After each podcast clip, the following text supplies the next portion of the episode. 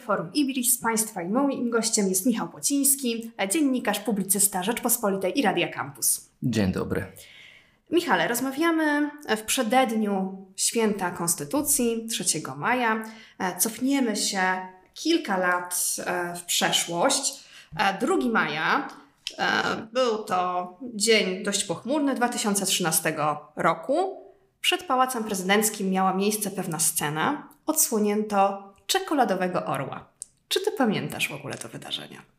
Oczywiście, oczywiście. Pamiętam całą atmosferę wtedy, wszystkie programy w trójce, albo jak dzisiaj niektórzy ją nazywają w trójeczce, jakie było nakręcane po prostu show na nowy model patriotyzmu i wielkie dyskusje, także u nas na łamach Rzeczpospolitej, ale chyba wszystkich mediów o tym, czym jest patriotyzm. I no, do dzisiaj, myślę, zamknęliśmy się w tych samych argumentach i, i, i przerzucamy się wciąż tymi samymi hasłami, e, co wtedy. To był chyba taki pierwszy moment, mam wrażenie, po 1989 roku, kiedy rzeczywiście pojawiła się jakaś próba nowego budowania e, patriotyzmu, takiego wolnej Polski, prawda? Takiego, żebyśmy nie musieli się za niego wstydzić. Ile razy to zdanie wtedy e, przeczytałem. No i co? Możemy sobie dzisiaj podsumować tamtą próbę jako kompletnie nieudaną i po prostu i wyłącznie bohatera memów. Dlaczego nieudaną? Jak myślisz, co poszło nie tak, oprócz tego, że wszystko? Ja mimo wszystko nie jestem jakimś e, wielkim krytykiem podejmowania takich prób, bo to mimo wszystko wyszło nam na dobrze, że w ogóle tą dyskusję rozpoczęliśmy. W ogóle ta cała kampania z czekoladowym orłem to przypomina mi teraz po latach, mogę, mogę to sobie porównać, kampanię prezydencką Bronisława Komorowskiego w 2015 roku, gdzie nic nie było przemyślane i wszyscy myśleli, że jak się zrobi tak, jak nam się wydaje, że jest dobrze, to wszyscy będą zachwyceni, prawda? To jest takie, mam wrażenie, dla pewne, pewnego środowiska e, symptomatyczne myślenie, że my przecież wiemy, jak jest dobrze jak oni to zobaczą, to na pewno pójdą za nami, prawda? Żadne takie schodzenie do dołu, żadne myślenie, jak myślą inni, żadna próba zastanowienia się nad jakimiś historycznymi konsekwencjami wydarzeń, dlaczego jesteśmy tacy, e, a nie inni. Ale dzięki temu można było się z tym skonfrontować, samemu zastanowić się nad własnym rozumieniem patriotyzmu, i ta druga strona mogła rzeczywiście e, sama wyjść z jakimiś nowymi propozycjami. Nie wyszła, moim zdaniem, ale za to widzieliśmy potem, po, po kilku latach, oddźwięk w takim mm, przebudzeniu patriotycznym E, młodych Polaków, prawda? Bo to wszystko się nałożyło. Nie byłoby czekoladowego orła, gdyby e, liberałowie nie zauważyli, że młodzież oczekuje patriotyzmu i nie byłoby potem tego wybuchu patriotycznego żołnierzy wyklętych, e, wyborów 2015, wszystkich tych badań, które nam pokazywały, jaka ta młodzież stała się nagle prowspólnotowa, propolska, jakby tego nie nazywać, gdyby nie było czekoladowego orła, który też był kolejną cegiełką w rozwoju całej tej dyskusji. No właśnie, bo czekoladowy orzeł był odpowiedzią na to, co się zdarzyło dwa lata wcześniej, 11 listopada 2011 roku, pierwszy Marsz Niepodległości na tak masową skalę, około 20 tysięcy uczestników. E, ten marsz zapisał się w powszechnej pamięci wydarzeniem spalenia wozu TVN-u. No właśnie, więc e, to, to, ten, ten czekoladowy orzeł miał być taką kontrą, odpowiedzią na, na Marsz Niepodległości. I, I, wróćmy właśnie jeszcze do tego pierwszego, pierwszego Marszu Niepodległości, bo ci żołnierze wyklęci to się zaczęli dużo wcześniej, przed 2015. Tak, oczywiście, tylko jak mówimy już, żeby to zeszło do dołów, do masowej hmm. wyobraźni, do każdego młodego Polaka, który idąc na wybory oczekiwał czegoś innego, bo szczerze, wśród młodych to był naprawdę znikomy procent, który, który oczekiwał kontynuacji prawda, tych rządów, które mieliśmy no, w zasadzie od 89.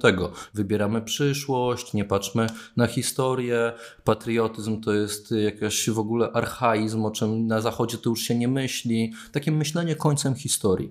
A wśród młodzieży naprawdę badania pokazywały, 90% ludzi absolutnie ten sposób myślenia e, odrzucało. w 2011 roku tego ewidentnie nie było jeszcze widać, bo ja nawet byłem na tym marszu, stałem na placu na rozdrożu tuż obok e, ludzi, którzy podpalali potem ten wóz e, telewizyjny. To była zresztą moja pierwsza taka relacja, pierwsza misja. Zacząłem pracę wtedy w Rzeczpospolitej jako chłopak tuż po studiach, prawda? I poszedłem, zacząłem pracę, no tak naprawdę 9 listopada i 11 byłem już na tym pamiętnym marszu. Niezłe wdrożenie do nowej pracy, ale to nie była większość młodych ludzi. to były wciąż jednostki, to byli wciąż kibice, którzy nienawidzili Donalda Tuska, prawda? To się nie przekładało na sposób myślenia e, ani w liceach prowincjonalnych, ani tym bardziej w liceach w wielkich miastach. A już parę lat później, po nakręcaniu się całej tej dyskusji, gdzie czekoladowy orzeł był ważną cegiełką, wszyscy zaczynali myśleć w dość podobny sposób. Jeszcze zatrzymajmy się chwilę przy tym Marszu e, Niepodległości. Powiedziałeś o haśle Wybierzmy przyszłość. To jest hasło y, Aleksandra, Aleksandra Kwaśniewskiego. Oczywiście, że tak. I to jest hasło, które jest takim mitem fundacyjnym albo jednym z mitów fundacyjnych prawicowej polityki e, historycznej, bo prawa strona bardzo lubi w debacie publicznej podnosić to, że e, no właśnie, tak, Aleksander Kwaśniewski, później środowiska liberalne mówiły wybierzmy przyszłość i w ten sposób kompletnie zaniedbały historii. Czy ty się z tą tezą e, zgadzasz, że rzeczywiście środowiska tworzące trzecią Rzeczpospolitą zaniedbały kompletnie politykę historyczną i patriotyzm? No, ja na pewno się zgadzam z twoją tezą, że to jest hasło tak często przywoływane, że mam wrażenie, że e, przy całym szacunku oczywiście dla doktora Dariusza Gawina, który, którego bardzo cenię, ale nie czytałem jego wywiadu, w którym by tego hasła nie rzucił, jako właśnie pewnego symbolu zaniechania, symbolu tak. odrzucenia pewnego sposobu myślenia. Ale no coś w tym jest. Myślę, że nie ma co iść tak radykalnie w tą stronę, że rzeczywiście ta zła jedna strona, która absolutnie e, odrzucała całe myślenie historyczne. Tak nie jest. E, były po tamtej stronie oczywiście jednostki, osoby, które, e, które bardzo doceniały ten sposób myślenia. Do dzisiaj nawet pozostały takie osoby i w Platformie Obywatelskiej, i w ogóle na całej lewicy, ale one były w mniejszości. Też dyskurs na Zachodzie, który, który rzeczywiście był mocno, jeszcze bardziej radykalny niż u nas, prawda, żeby odrzucać ten sposób myślenia o historii, zaczynać relatywizować, szukać jakichś nowych pojęć, które mogłyby zastąpić, nie wiem, naród. W pewien sposób ten naród, myślę, tak rozczłonkować jako pojęcie, prawda, doprowadzić do, do, do, do pewnej takiej twórczej, nowej, kreatywnej, prawda, koncepcji, która by tworzyła now, nowy naród, tak jak kiedyś, prawda, komuniści Marx mówił o tworzeniu nowego człowieka, prawda? Więc to był taki dyskurs, który nam się bardzo podobał w Polsce, szczególnie środowiskom liberalnym, wielkomiejskim. Byliśmy w niego, myślę, że wszyscy w jakiś sposób e, zapatrzeni. E, jedni oczywiście byli z niego zapatrzeni pozytywnie, a inni nic więcej nie widzieli, tylko tego wroga, tego chochoła, z którym trzeba walczyć. Więc on zdominował tak naprawdę całą debatę po obu stronach. Jedni z nią walczyli, drudzy, e, drudzy nie i nie zauważyliśmy, że rzeczywiście były takie momenty. Trudno mi teraz podać jakieś dobre przykłady, które by e, tutaj udowodniły, prawda, i słuchacze by mi uwierzyli na słowo, bo podam jeden konkretny przykład, prawda, takiego nowego myślenia o patriotyzmie, e, ale dyskusja trwała. To nie było tylko tak, że wsadzamy, e, prawda, polskie flagi w psie kupy w programach telewizyjnych, żeby ośmieszyć, żeby ośmieszyć naród. Jednak jak popatrzymy na badania, to Polacy zawsze tak naprawdę czuli jakąś więź z patriotyzmem. Zawsze uważali, że to jest ważne pojęcie. Nie przypominam sobie żadnych badań, które, które byłyby gdzieś triumfalnie w liberalnych mediach przedstawiane jako oho, widzicie, Polacy się zmienili. No nie. I politycy musieli brać to pod uwagę.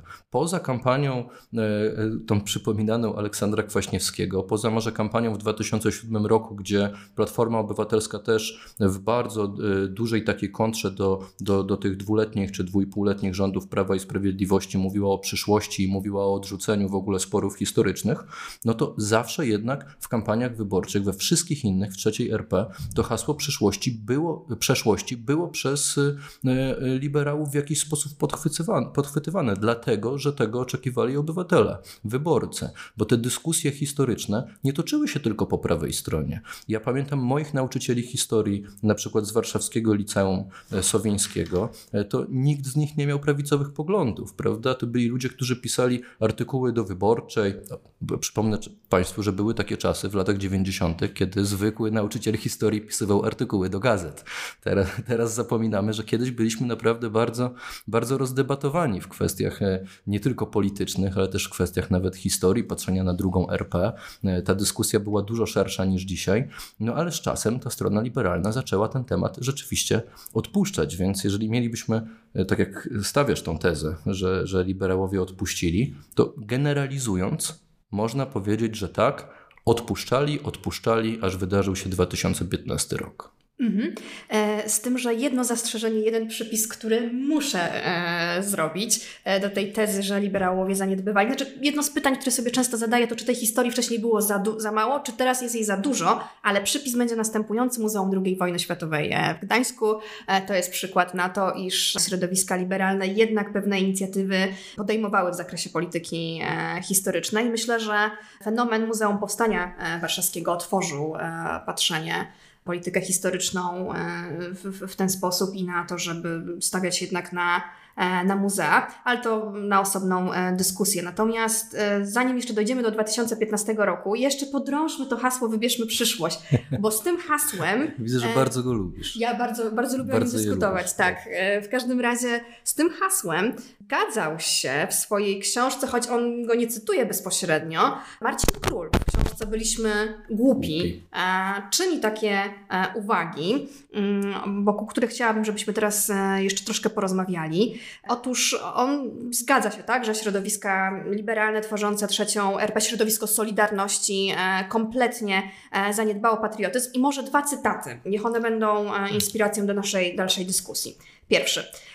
W następnych latach świadomości inteligencji, ale także części społeczeństwa pojawił się osobliwy melanż patriotyzmu z nacjonalizmem. Wśród słów kluczy używanych w okresie Solidarności słowo patriotyzm niemal się nie pojawia. Kiedy pisałem jesienią kilka przemówień Tadeuszowi Mazowieckiemu i często używałem słów ojczyzna i patriotyzm, premier natychmiast je skreślał.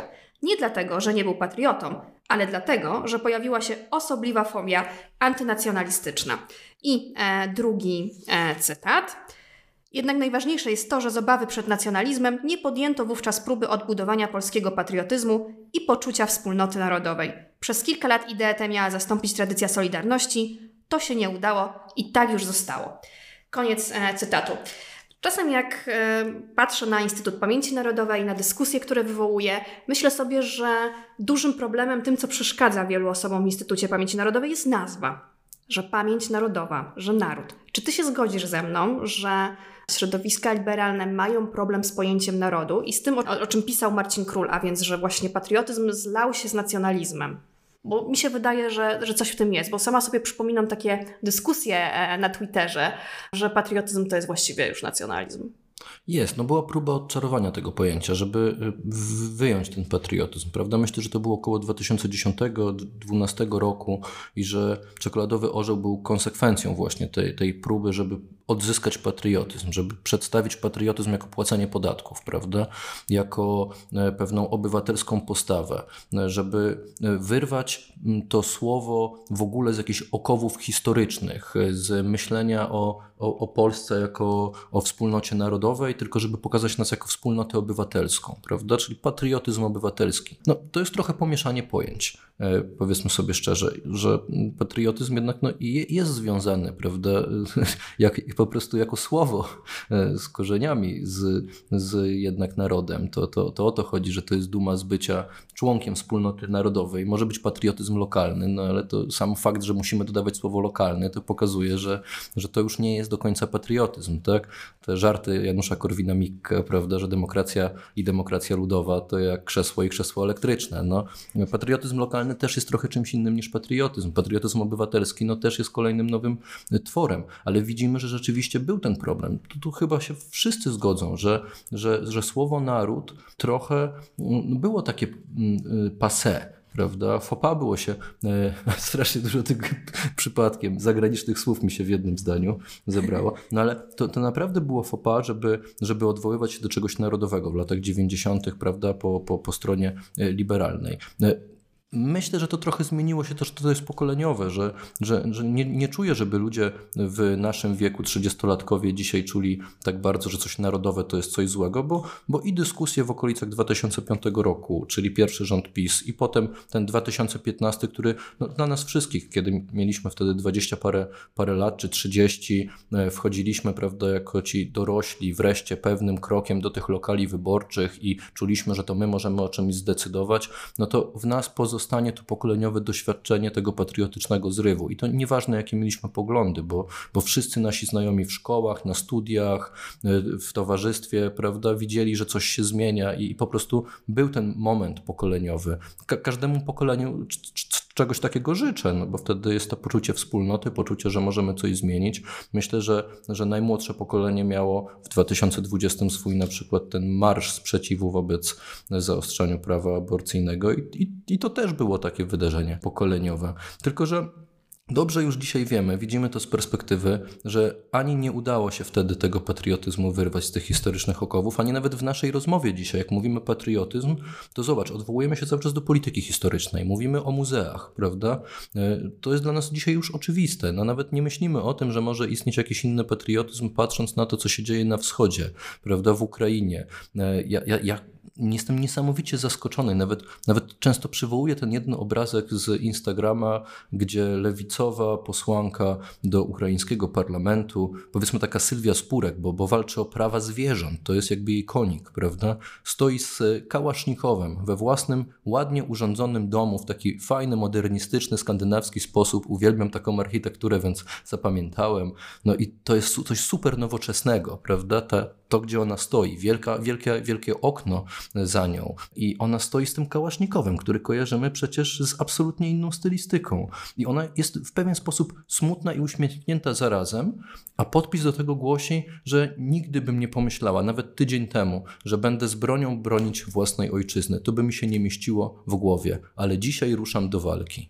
I, I, się zastanawiam, jakby się zachowali nasi politycy. Zapytałem o to, kończąc już tą przydługą moją wypowiedź, zapytałem o to e, Agnieszkę Dziemianowicz-Bąk, prawda? Czy ona za, zastanawiała się, jakby ona się zachowała w takiej chwili. Ona powiedziała mi coś mądrego, że, że nikt z nas oczywiście nie, nie, nie ma co teraz się zastanawiać, bo nie wiemy, jakbyśmy zachowali się naprawdę w trudnej sytuacji, więc co ja się tu będę chwalić, ale myślę, że w każdym z nas jest coś takiego, że my chcemy pomagać, chcemy czuć się potrzebni naszej wspólnocie i że nie wiem, czy bym stanęła z bronią e, do walki, czy bym chciała być wolontariuszką, ale na pewno to jest taki moment przełomowy i że ona jest w stanie sobie wyobrazić, że ona ruszy coś robić, bo to jest moment, kiedy ludzie jej potrzebują. I jak teraz przy takich wypowiedziach przecież ultralewicowych posłanek e, i tego, co się dzieje w Ukrainie, brzmią te słowa na przykład, e, nie wiem, Moniki Brodki czy Pauliny Przybysz, że my nie chciałybyśmy ruszać na wojnę, jak nas zaatakują, to my od razu jedziemy do Niemiec, prawda? Przecież to to jest jakiś zupełnie inny świat, który mam wrażenie już dawno odszedł w przeszłość. To takie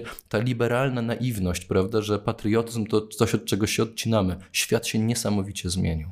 To ciekawe i przejdźmy teraz do badań, bo mamy przed sobą wyniki badań, które zrobił IBRIS już e, po e, wybuchu wojny w Ukrainie. Na, już trwała na dobre, bo mm, badania są z początku kwietnia.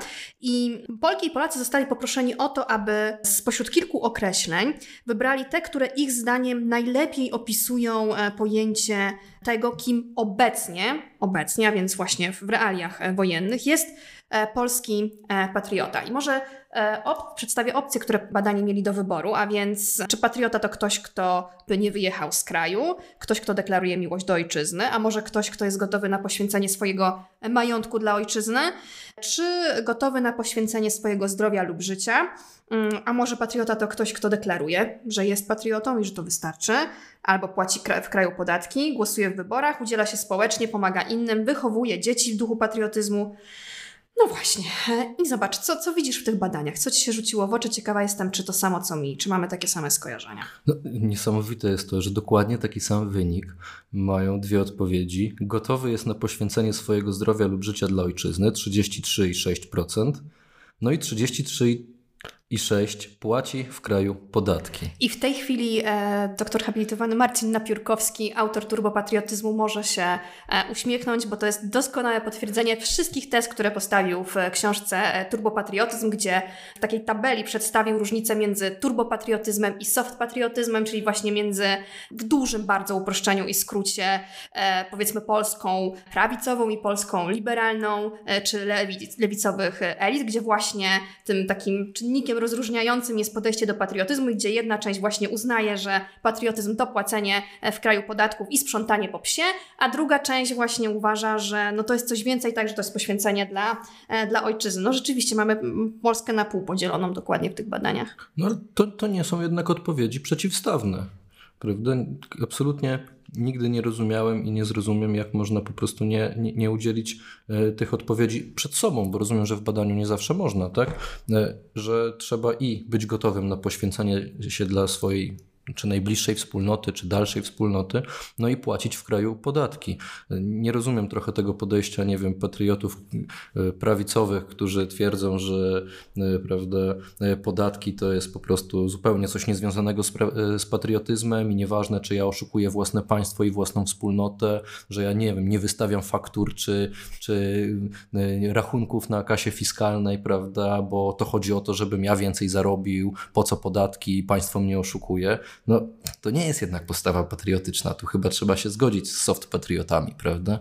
No ale widzimy dzisiaj, co się dzieje w Ukrainie. Czy jeżeli ja po prostu biorę nogi za pas i zamiast pomóc swoim sąsiadom, czy zająć się swoją, nie wiem, stoletnią sąsiadką, to ja pierwsze co robię, to po prostu uciekam, e, nie myśląc po prostu o swoich najbliższych. No czy, czy mogę się określić patriotą, dlatego że wcześniej płaciłem podatki?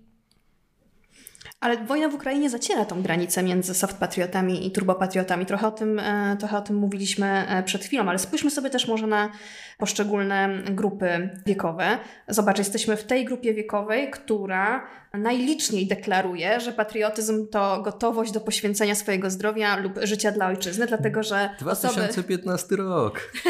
dlatego, że osoby w wieku od 30 do 39 lat, to jest 53% tej grupie badanych e, uważa, że tak, że patriotyzm to jest gotowość poświęcenia swojego zdrowia lub życia dla e, ojczyzny. No właśnie. No jest taka socjologiczna prawda, o, o, pokoleniach, że te wydarzenia pokoleniowe są w stanie ukształtować nas na całe życie, prawda? Że ci, którzy byli na Woodstocku w 68, to już zawsze będą gdzieś tam tymi hipisami, prawda? Wracamy do tego, co nas ukształtowało, co było dla nas ważne. Sami się, nasza cała tożsamość jest zbudowana wokół tego.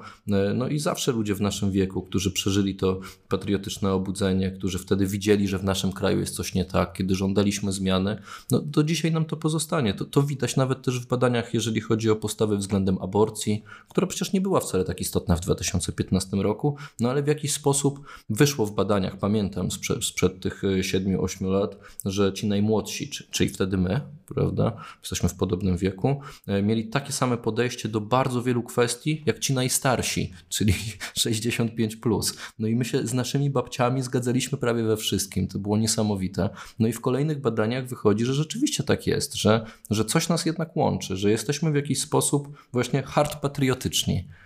Hard nawet, już nie turbo. no dobrze, ale wiesz co, jedna rzecz mnie tutaj bardzo intryguje, bo ty dużo o tym mówisz, o tym 2015 e, roku. Muszę o to zapytać, ale co takiego się stało w 2015 roku? Czy ty naprawdę myślisz, że to e, historyczne, patriotyczne uniesienia zagnały wówczas ludzi do urn wyborczych i sprawiły, że Nie, Andrzej właśnie... Duda wygrał i otworzył zwycięstwo potem PiSowi w wyborach parlamentarnych?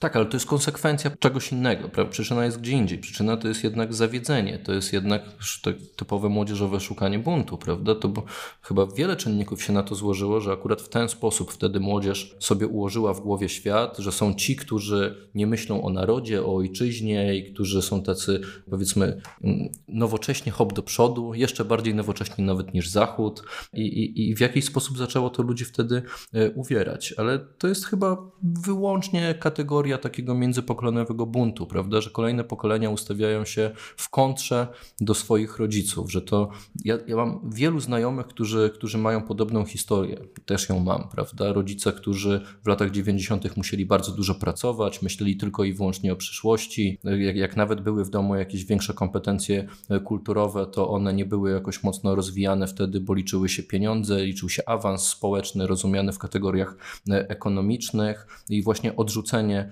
też takiej wspólnotowości rozumianej w tradycyjny e, sposób. No i nam to po prostu się przestało podobać. My e, zaczęliśmy szukać jakiejś e, tożsamości właśnie w kontrze do tego nowoczesnego liberalizmu.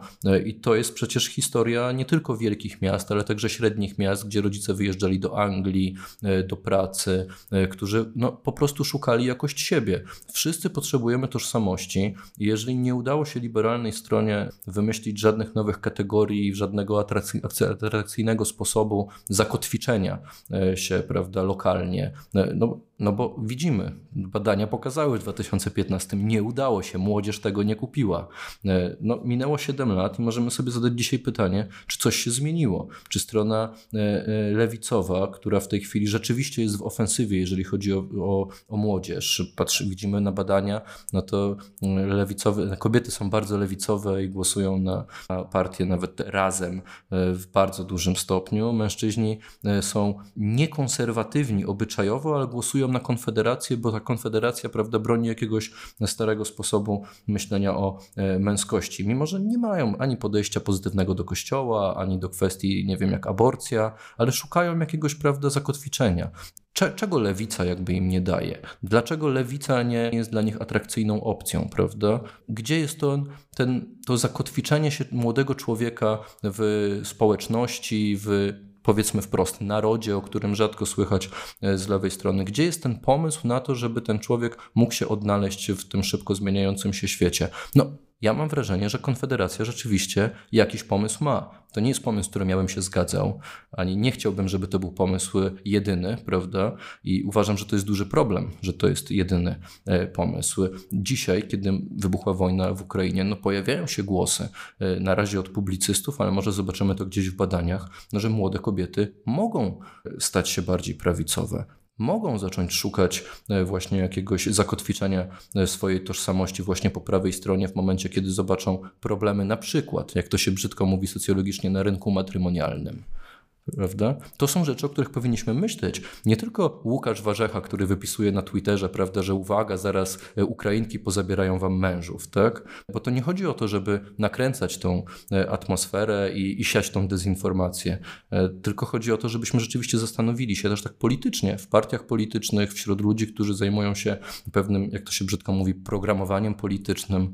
Co dać tym młodym ludziom, którzy zawsze będą szukali oparcia swojej tożsamości w jakichś stałych punktach zakotwiczenia się w zmieniającym się świecie. Mhm. I w ten sposób płynnie przechodzimy do pytania, które też się pojawiło w badaniu, a więc kto powinien być głównie odpowiedzialny za uczenie postaw e, patriotycznych?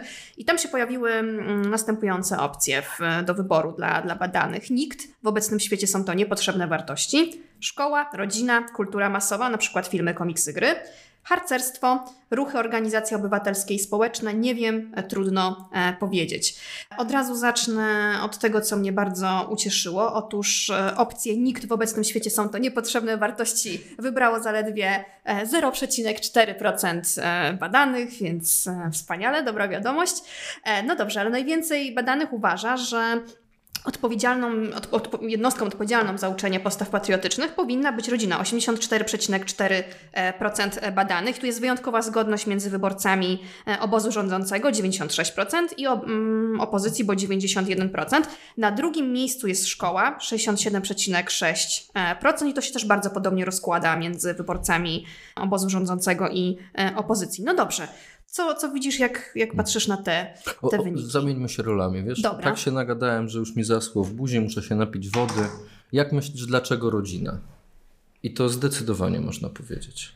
To jest dobre pytanie. Ja je trochę, i trochę odwrócę i trochę może inaczej odpowiem. Nie widzę e, w tych opcjach, e, w wyborach e, badanych państwa. Szkoła jest państwem. Szkoła jest państwem, owszem, ale jednak na pierwszym miejscu jest rodzina, no i tu jest kilkanaście punktów procentowych różnicy. To po pierwsze, tak? No jednak rodzina wyprzedziła, wyprzedziła państwo w tym, w tym zakresie, ale wydaje mi się, że nie ma z tym jakiejś wielkiej filozofii, że to jest taki bardzo oczywisty i naturalny, naturalny wybór. Natomiast jeszcze jedna e, rzecz, która mi się tutaj e, rzuca w oczy a propos tej szkoły. Przyjęło się, że patriotyzm nie jest czymś, czego można nauczyć, czy taka jest postawa środowisk, e, powiedzmy, e, liberalnych. Jakiś czas temu przeczytałam reportaż Jak wychować nazistę. To jest książka, którą napisał dyrektor amerykańskiej szkoły w Berlinie przed wybuchem II wojny światowej. Dzięki osobistym kontaktom i łapówkom udało mu się przeniknąć przez nazistowski niemiecki system edukacji. Odwiedzał na terenie III Rzeszy szkoły, ośrodki wychowawcze, różne instytucje edukacyjne i opisał, opisał swoje wrażenia, swoje doświadczenia. I niestety zrobię rzecz straszną, bo zdradzę puentę tej książki, ale mam nadzieję, że i tak e, Państwo I tak, się poczują. I tak przeczytamy. Tak, że tak się Państwo poczują zachęceni do przeczytania, zwłaszcza w kontekście nie wiem, dyskusji o, o propagandzie rosyjskiej, o rosyjskiej edukacji, bo, bo ta książka moim zdaniem dzisiaj też świetnie opisuje realia putinowskiej e, Rosji. Ten, ten amerykański nauczyciel, dyrektor szkoły kończy tę książkę takimi refleksjami, że zobaczcie, Amerykanie, tak? Przyjęliśmy, że patriotyzmu się nie da nauczyć w szkole, a trzecia Rzesza, naziści, uczą. Więc no, coś musimy z tym zrobić. Musimy przemyśleć też nasz system edukacji w Stanach Zjednoczonych, aby móc nauczyć e, młodzież pewnego przywiązania do wartości państwowych, do państwa, by byli gotowi tego państwa demokratycznego bronić przed tymi, których Trzecia Rzesza nauczyła to demokratyczne państwo niszczyć. Więc no właśnie, szkoła. Akurat tu mogę e, się pomądrzyć. Wcześniej wydawało mi się, że mogę raczej, bo historię Stanów Zjednoczonych znam dosyć dobrze i wiem, że, że był na początku XX wieku e, pewien taki kryzys patriotyzmu w Stanach, e, ale to nie znaczy, że szkoła amerykańska wcześniej, nawet trochę tak mimowolnie, troszkę tak spontanicznie, nie była instytucją tego patriotyzmu uczącą, bo prawda jest taka, że od początku, nawet pierwsze purytańskie szkoły, one bardzo mocno kładły nacisk na, na, na, nowym kontynencie, właśnie na naukę takiej obywatelskiej postawy, prawda? Bo to było właśnie e, rozumiane w takich kategoriach, jak dzisiaj, z perspektywy, moglibyśmy je określić jako patriotyczne. To w Stanach Zjednoczonych powstała w ogóle cała ta, e, już w XVIII wieku, cała ta myśl e, społeczna, którą dzisiaj my tak naprawdę w Polsce bardzo ochoczo podłapujemy, jesteśmy bardziej amerykańscy chyba niż niż, niż dzisiaj Amerykanie. E, właśnie o tym e, obywatelskiej e, postawie względem siebie, o poświęcaniu życia dla ojczyzny, nawet kiedy te słowa, prawda, ojczyzna, no w Stanach Zjednoczonych to się mówi nation, po prostu my naród, prawda, jak w konstytucji amerykańskiej. I Amerykanie bardzo szybko do tego wrócili po, po II wojnie światowej, która była no jednak taką, po pierwszej wojnie jeszcze, jeszcze, jeszcze tego przełamania nie było, a po drugiej wojnie no Stany stały się ultranacjonalistyczne, co, co dzisiaj też widzimy, co się mówi że na południu Stanów Zjednoczonych. No nie. Ja często tłumaczę kolegom, z którymi dyskutuję na przykład o, o, o, o amerykańskiej polityce, że nawet amerykański liberał jest dużo bardziej nacjonalistyczny niż europejski nacjonalista. To trzeba brać pod uwagę, że to uwielbienie dla Ameryki, dla narodu, to powtarzanie nation, nation, nation, e, no i po prostu to nie schodzi z ust e, amerykańskim demokratom. Ta dyskusja o tym, że Joe Biden to jakiś totalny lewak w Polsce, a Donald Trump to wspaniały prawak, który będzie myślał o narodzie, to jest w ogóle jakieś niezrozumienie, niezrozumienie Stanów Zjednoczonych, bo Joe Biden jest przecież, jakby gdyby on był w Polsce, no to on byłby chyba, jeżeli chodzi o rozumienie patriotyzmu, na prawo od PiS. To jest y, człowiek, który no, spędził lata w niewoli, prawda, będąc y, żołnierzem i który słowo patriotyzm odmienia przez wszystkie przypadki, przez całą swoją karierę, a dzisiaj ma wręcz patriotyczną misję, jak Ronald Reagan. I nieważne, że on jest demokratą, liberałem, zwolennikiem, nie wiem, poszerzenia prawa do aborcji, to nie ma żadnego znaczenia, bo w Ameryce trochę ten spór jest wyjęty, wyjęty poza ten nawias, wyjęty spoza, spoza politycznego y, sporu ogólnego, sporu o patriotyzm.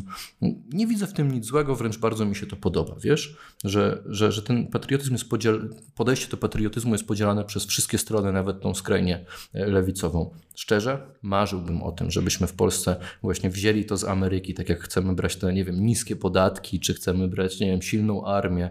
No okej, okay, no jesteśmy super amerykańscy, ale weźmy to, co w Ameryce właśnie jest najfajniejsze i co, co tworzy Amerykę. No Ameryka jest Ameryką nie dlatego, że tam są miliarderzy i wielkie nierówności. Fajnie jakby to kiedyś się, myślę, skończyło. Tylko Ameryka jest Ameryką dlatego, że Amerykanie chcą być tymi Amerykanami, mają olbrzymią siłę przyciągania, e, nie muszą się martwić tym, prawda, swoim tyglem kulturowym, bo każdy, kto przyjeżdża do Ameryki przez lata tym Amerykaninem chciał być. Dzisiaj możemy to oczywiście sobie analizować, czy rzeczywiście tak dalej jest, czy latyności ch chcą się integrować, ale to jest bez porównania z tym, co się dzieje we Francji, w Niemczech, w Polsce. Fajnie, jakbyśmy też taką soft power, siłę, siłę przyciągania mieli. I kończąc, bo w końcu muszę dojść do tej szkoły.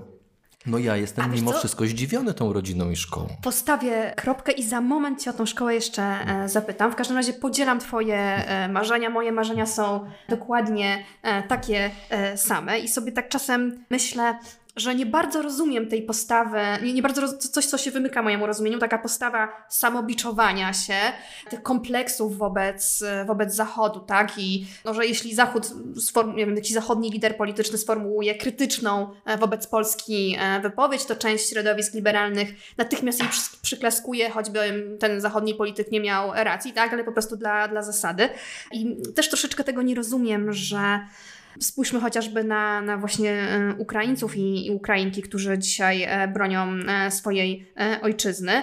Podziwiamy ich postawę, no a tymczasem część środowisk tak wciąż odrzuca czy pojęcie, pojęcie narodu. Zapatrujemy się na Zachód jak na wzorzec właśnie na Stany Zjednoczone, a u nas w Polsce wypowiedź jestem dumna z Polski mogłaby być właśnie odczytana jako, jako taka typowo nacjonalistyczna. No ale właśnie, teraz szkoła. Powiedzmy sobie troszeczkę o tym. No co, minister Czarnek nauczy nas patriotyzmu? Nie no, minister Czarnek nie nauczy nas niczego. Mam wrażenie, że w ogóle polska szkoła, która jest no, w absolutnym kryzysie i, i nikt z nią nic nie robi od lat, prawda, jest absolutnie archaiczna. Jesteśmy w XIX-wiecznym pruskim modelu nauczania. Nic się nie zmienia. Nie mamy żadnych... W ogóle w Polsce dyskusja o reformie szkolnictwa zaczyna się od w ogóle złej strony. Myślimy, prawda, o tym, jak dofinansować nauczycieli. To jest oczywiście ważne, no ale to jest kolejny krok po jakiejkolwiek reformie, której trzeba dokonać. No, szkoła polska przygotowuje do systemu pracy zmianowej w fabrykach wciąż, prawda? To nie trzeba być profesorem naleszczkowskim, żeby to widzieć. Wystarczy, wystarczy zastanowić się nad tym, jak uczyć patriotyzmu dzisiaj w polskiej szkole i trudno nie dojść do y, wniosku, że no rzeczywiście nie dziwię się, że ludzie odpowiadają, że jednak patriotyzmu trzeba uczyć w rodzinie. No bo jakby w polskiej szkole miały być takie, nie wiem, początek y, lekcji, y, prawda, wstajemy, śpiewamy hymn, wyciągamy flagę, no to, to, to nie są Stany Zjednoczone. Wszyscy by się zbuntowali. Ja bym się zbuntował, ty byś się zbuntował, państwo, którzy nas słuchają, dzieci. No nie ma absolutnie takiej możliwości. Jak uczyć patriotyzmu w szkole w sposób nowoczesny? No to jest niesamowite wyzwanie. Nie jesteśmy w stanie dzisiaj na to odpowiedzieć, ale powiedzmy sobie tak teoretycznie, no tak, to szkoła jest tym, co zawsze budowało patriotyzm i naród.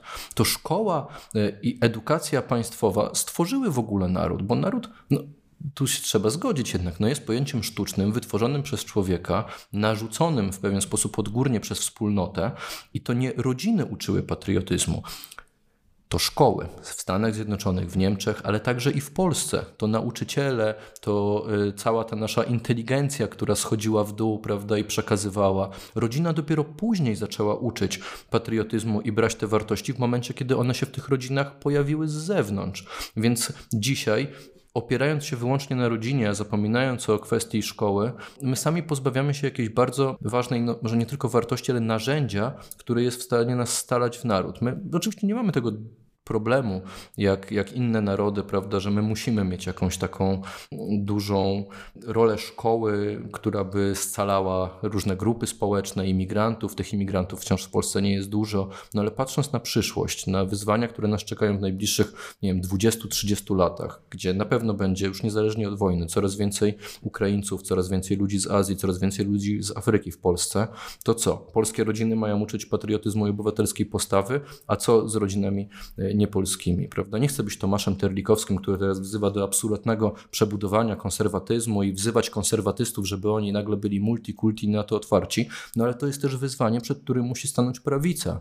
A odpowiedź na to mają wyłącznie liberałowie, co ciekawe, bo to oni przez lata opowiadali właśnie o tym, jak tworzyć wieloetniczne e, społeczeństwo. I teraz chyba jest ten moment, kiedy oni mogliby przejść do ofensywy i powiedzieć: Dobra, to już nie jest czas, kiedy wystarczy uczyć patriotyzmu w rodzinach. To oni mogą teraz odczarować słowo patriotyzm i zacząć, zacząć przedstawiać jakieś pozytywne wizje nowego podejścia. Proszę. Niech to robią. Bardzo mi się podoba to, co mówisz, nie będę tego ukrywać. Natomiast jeszcze już tak powoli, powoli e, kończąc, zobacz, bo ja jestem bardzo krytyczna wobec e, czekoladowego orła. Oczywiście próba podjęcia właśnie tak, wyrwania patriotyzmu z tych nacjonalistycznych skojarzeń jest jak najbardziej e, słuszna. O wiele bardziej podoba mi się kotylion, który przypominamy 3, przypinamy 3 maja, 11 listopada. Podoba mi się ta, ta formuła. Natomiast przy tej całej krytyce czekoladowego orła, e, czym ten czekoladowy, w czym ten czekoladowy orzeł jest gorszy od tego, co robi Polska Fundacja Narodowa?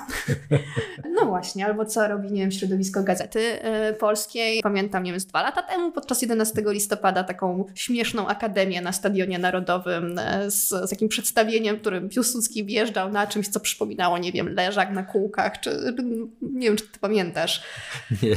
W każdym razie, no, no, ale już zostajemy przy tej Polskiej Fundacji Narodowej, tak? No to, to, to jest chyba symbol porażki prawicowej idei robienia e, soft power, która mi się z założenia bardzo podoba, tak? Że prawica rzeczywiście tą politykę historyczną robi, super. Sama koncepcja Mabeny, tak obśmiewana, tak przedstawiona przez, przez liczne memy, ona z założenia była moim zdaniem totalnie dobra i totalnie trafiona i ma wykonanie właśnie leży. I wiesz czego ja się boję? Ja się boję, że każda złotówka wpompowana w Polską Fundację Narodową, każda kolejna porażka Polskiej Fundacji Narodowej, jak już chyba słynna wymiana SMS-ów między Adolfem Hitlerem i Józefem Stalinem, bo przypomnijmy, drodzy Państwo, że w ten sposób Polska... Ciszej nad tą wymianą SMS-ów, ciszej nad tym gifem. E, przypominam, że e, Polska Fundacja Narodowa w ten sposób postanowiła uczyć o polskiej e, historii. Więc każda złotówka wpompowana w, w, w PFN, e, każda złotówka źle wydana przez Instytut Pamięci Narodowej, który ma największy budżet w swojej e, ponad 20-letniej historii, oddala Polskę od robienia dobrego e, soft power. Ja się obawiam, że nastąpi takie zjawisko backlashu po tym, jak się tak. zmieni obóz, e, obóz władzy że ze słusznej idei właśnie robienia tego, co nazywamy soft power, tego, co nazywamy polityką historyczną, edukacji patriotycznej, edukacji historycznej, jakkolwiek sobie tutaj to, to namalujemy, no więc każda źle wydana złotówka, każda porażka prawicy po prostu sprawi, że tego w przyszłości nie będzie. No właśnie, niestety z Tobą się zgadzam. Wchodzimy trochę teraz w rolę takiego sabatu symetrystów, prawda? No ale, ale no wiadomo, że no wiemy, jak ta, jest, ta, ta dyskusja do tego nas prowadzi, tak? Że są dwie skrajności i dwie, dwie strony, które ciągną w swoją stronę i które zawsze będą przeginać i będzie to odbicie. No i obawiam się, że tak niestety może być. No, to jest straszna perspektywa, przerażająca, dlatego że w sytuacji, w której rzeczywiście nasze społeczeństwo się zmienia i będzie się zmieniać, my nie dostaniemy żadnej nowej oferty, e, wręcz e, zrazimy ludzi do jedynej w tej chwili wizji patriotyzmu, jaka w Polsce istnieje. Bo ja mam wrażenie, że z patriotyzmem może to będzie porównanie na wyrost. Nie do końca je przemyślałem, proszę Państwa. Wymyśliłem je właśnie przed chwilą, więc proszę wziąć na to poprawkę, ale że z patriotyzmem jest trochę jak z męskością. Wszyscy mówimy o tym, że trzeba zmienić męskość, że jest pewien taki naprawdę zły model męskości, patologiczny, ta, ta taka tradycyjna męskość, e, człowiek macho, prawda, mężczyzna, który uważa, że nie będę zmywał w domu ani sprzątał, bo to są kobiece role, prawda, i bycie dumnym po prostu ze swojej jakiejś prymitywności i, i, i taki jedyny mo model zakotwiczenia męskości w jakichś wartościach to jest, są wartości brutalne, takie właśnie hard patriotyczne, e, agresywne. No i, i co od lat się powtarza, że trzeba to zmienić, trzeba to zmienić, mężczyźni muszą być inni, trzeba się bardziej dzielić rolami w społeczeństwie, mężczyzna musi być bardziej empatyczny. Mój ulubiony raper Afrojax razem ze swoim zespołem Afro miał piosenkę Synu wolałbym, żebyś był córką, prawda, no bo mężczyzna nawet nie może zapłakać. I, i, i wszyscy to powtarzają powtarzamy, wszyscy mielimy ten wątek, ale nie ma żadnej nowej oferty męskości. Ci młodzi mężczyźni, się im nie dziwię, że oni głosują na Konfederację, będąc tak zagubionym w świecie, w którym im się mówi, że nie możecie być takimi mężczyznami, jak przez lata się uczyło być mężczyznami, a nie daje im się żadnej nowej oferty, która, która byłaby dla nich atrakcyjna. I tak jest trochę z patriotyzmem, prawda? Zrażamy do tego patriotyzmu, straszny nacjonalizm, ksenofobia, to, to rodzi agresję, wojny, a nie, dam, no nie dajemy niczego, co by, co, za czym by ludzie rzeczywiście pobiegli byliby w stanie się zmienić, byliby w stanie się, się dzięki temu e, w społeczeństwie e, odnaleźć. Im dłużej o tym mówię, tym bardziej mi się to porównanie jednak podoba, więc się z niego nie wycofuję. Zrazimy do męskości i będzie kryzys, bo nie damy nic nowego, bo ludzie, ja widzę po moich młodszych kolegach z pokolenia Z, chociaż teraz chyba powinniśmy tą nazwę zmienić, bo bycie pokoleniem Z chyba nie brzmi zbyt dobrze w czasie wojny w Ukrainie, ale, ale oni y, są zrażeni do starego modelu męskości, a nie do końca odnajdują się w dzisiejszym świecie. I jeżeli będzie ten, to odbicie w drugą stronę z y, patriotyzmem, po, po, po naprawdę e, żenującej pod tym względem polityce obecnych rządów konserwatywnych, e, to będziemy mieli taki sam, taką samą sytuację z patriotyzmem. Młodzi ludzie będą widzieli, że patriotyzm to jest coś złego, że to, co wcześniej było, e, to jest żenujące i śmieszne, będzie im to się kojarzyło właśnie z Polską Fundacją Narodową i będą po prostu to wyśmiewać, ale oni nie znajdą niczego nowego dla siebie i będą w tym tak w podobnym patriotycznym, obywatelskim kryzysie, w jakim dzisiaj są młodzi mężczyźni, jeżeli chodzi o męskość. To jeszcze ciekawostka, już absolutnie na sam koniec, jako taka wisienka na torcie. E, odwołam się jeszcze do badań. E, otóż e, przy pytaniu, czym jest patriotyzm, opcję gotowość na poświęcenie swojego zdrowia lub życia dla ojczyzny, chętniej niż wyborcy Konfederacji wybierali wyborcy PiSu oraz wyborcy Koalicji Obywatelskiej. To jest ciekawe, dlatego że tylko 29% wyborców Konfederacji Wolność i Niepodległość e, wybrało właśnie tę możliwość, podczas gdy e, patriotyzm jako poświęcenie swojego życia do ojczyzny e, rozumie w ten sposób 35% badanych głosujących na Koalicję Obywatelską oraz 52% badanych głosujących na Zjednoczoną Prawicę i PiS. Ależ fantastyczną dane wyłapałaś. No, ja widzisz, w, w ogóle do tego nie doszedłem. Trzeba bardzo daleko przewijać te badania. A to troszeczkę, a to trochę, to ci trochę zadaje ćwieka w tej chwili tak. no do tego, co powiedziałeś. Niesamowite, wiesz, znaczy jakbym ja, ja, ja mógł sobie to w głowie rzeczywiście jakoś e, ułożyć teraz tak na szybko, e, to, to, to ja mam taką tezę, e, nie popartą jeszcze badaniami, ale tutaj właśnie dostaję świetny dowód na to, że wyborcy Konfederacji bardzo często są super wygodniccy i że ich idealnie reprezentuje no, najbardziej znany konfederacki publicysta, czyli Łukasz Warzecha, który, który mówi dokładnie o tym, co tutaj widzimy, prawda? Żadnych poświęceń, wyłącznie nasza wygoda, egoizm rozumiany w sposób ekonomiczny, po co my mamy, jakie z tego będziemy mieli e, skutki. I, i mam wrażenie, że, że jest coś takiego, patrzenie na państwo w taki sposób libertariański, UPR-owski, korwinistyczny, prawda, że, że niekoniecznie musimy się w to angażować, bo to nie jest nasze państwo. I że e, ja mam wrażenie, że z badań na razie to była tylko moja intuicja, nigdzie nie wychodziło, prawda, ale też powiedzmy sobie szczerze, że nie jest dobrze przebadana, e, przeba, przebadany elektorat Konfederacji. Nie do końca rozumiemy, dlaczego młodzi mężczyźni, którzy mają negatywne zdanie o Kościele, tak bardzo idą za politykami, którzy, jak na przykład Krzysztof Bosak o Bogu opowiadają w, w co, drugiej, w, co, w, co, w co drugim zdaniu. E, myślę, że warto by się skupić dokładnie na tym elektoracie, bo on nam by dużo powiedział nie tylko o ludziach młodych, bo to są głównie ludzie młodzi, ale także dużo by nam powiedział o tych zmianach e, ideowych, które nam się nie mieszczą w naszych szufladkach, że my chcemy sobie wszystko dzielić, żeby to były spójne ideologie. Nie, no tego świata już nie ma. Dzisiaj mamy wielkie takie maszapy polityczne, prawda? Ja bym chciał zrozumieć, dlaczego wyborca Konfederacji, partii, która najwięcej mówi, prawda, o tej toksycznej toksyczna to jest pejoratywne określenie, tej, tej tradycyjnej męskości, nie chce z tą bronią stanąć w ręku. I dlaczego ci politycy Konfederacji ciągle mówią o tej strzelnicy i strzelnicy, mimo że ich wyborcy wcale tego chyba od nich nie oczekują w takim razie? I teraz zobacz, bo mi się e, Konfederacja skleja z realizmem, z tak zwanym e, realizmem, właśnie który reprezentuje chociażby Łukasz Warzecha, więc niechaj się Polska nie, nie wychyla, niechaj nie naraża się e, Putinowi. A lewica, co robi lewica? Nasza polska lewica poucza bardzo mądrze e, zachodnią w, w sprawach Ukrainy. Tak? Polska lewica się tutaj absolutnie wyróżniła na plus, podczas gdy osoby, filozofowie, socjolodzy, do których się bardzo często odwoływała wcześniej, no robią prze po prostu dziwaczne koziołki w, w publicystyce, atakując, atakując amerykański imperializm i nie widząc rosyjskiego, tak? I Uwie, zajmując... Uwielbiam słowo westplaining. Tak, westplaining jest absolutnie świetnym, świetnym słowem opisującym to, e, to zjawisko. I to polska lewica, tak? Mówi do, do zachodniej, żeby E, żeby jednak może puknęła się w czoło i zwróciła uwagę na to, co się dzieje rzeczywiście e, w Ukrainie. I to właśnie e, lewica, a nie konfederacja. Także no, kolejna, kolejna bardzo ciekawa rzecz. No dobrze, rozgadaliśmy się. Zostawiamy Państwa. Z... Ile mieliśmy rozmawiać? 20 minut? Mieliśmy rozmawiać 20 minut, rozmawialiśmy blisko, blisko godzinę. Tak to jest, jak się spotka dwóch dziennikarzy. No dobrze. No to cóż, 3 maja przypinamy kotyliony. I myślimy dalej, jak e, wyrwać patriotyzm z. Ja to na marsz jakiś bym poszedł, wiesz? Tak? No, chcia, chciałbym takiego marszu, na którym bym się dobrze odnalazł. Słuchaj, ja też bym poszła. Możemy zrobić mini marsz.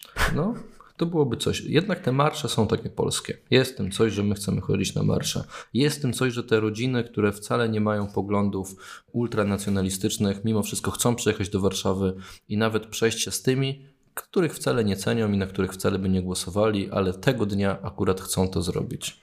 Nie wiem, czy ty pamiętasz, były takie wydarzenia wokół przystąpienia Polski do Unii Europejskiej. Były próby organizacji czegoś takiego. Nie pamiętam. Nie pamiętasz takich dużych, dużych, dużych manifestacji w rocznicę przystąpienia Polski do, do, do Unii Europejskiej? W każdym razie. W ogóle.